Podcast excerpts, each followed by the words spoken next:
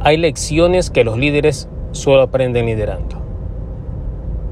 Esta es la serie de Liderazgo al Desnudo en tu podcast On the Go de Freddy Guevara Talks. Soy Freddy Guevara. A veces tenemos tantos conflictos, tantos problemas y tantas cosas por las cuales cumplir todos los días.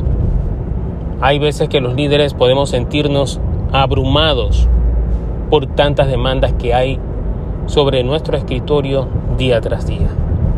Sin embargo, hay algo que nosotros aprendemos, pero solo lo aprendemos y lo mejoramos liderando.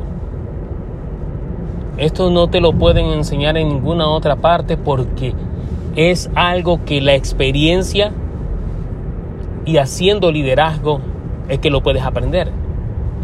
Y es que a pesar de tantos problemas, tantos conflictos, y a pesar de muchas cosas negativas que suelen pasar, los líderes aprenden a ver.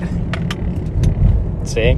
Pero no estoy hablando de ver en una forma física, no.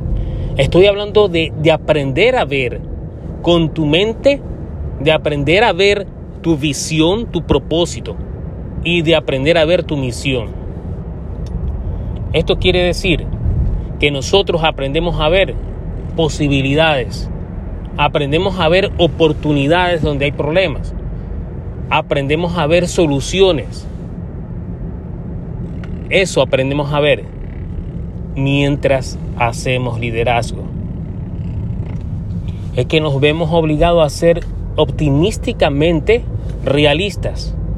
Pero esa misma visión, ese poder de ver donde las oportunidades están, de ver esas tendencias, de ver esos patrones para poder identificar las estrategias y las tácticas correctas para ayudar a crecer a nuestras organizaciones, es lo que nos hace líderes.